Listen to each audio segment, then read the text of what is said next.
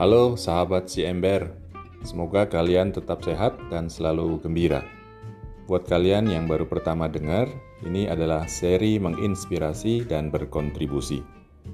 Saya berusaha merenungkan bacaan-bacaan kitab suci dalam Ekaristi setiap hari dan membagikannya kepada siapa pun yang mau mendengarkan. Semoga bisa sedikit menginspirasi dan memberi sedikit kontribusi bagi kalian. Sekarang saya mulai mencoba platform yang baru.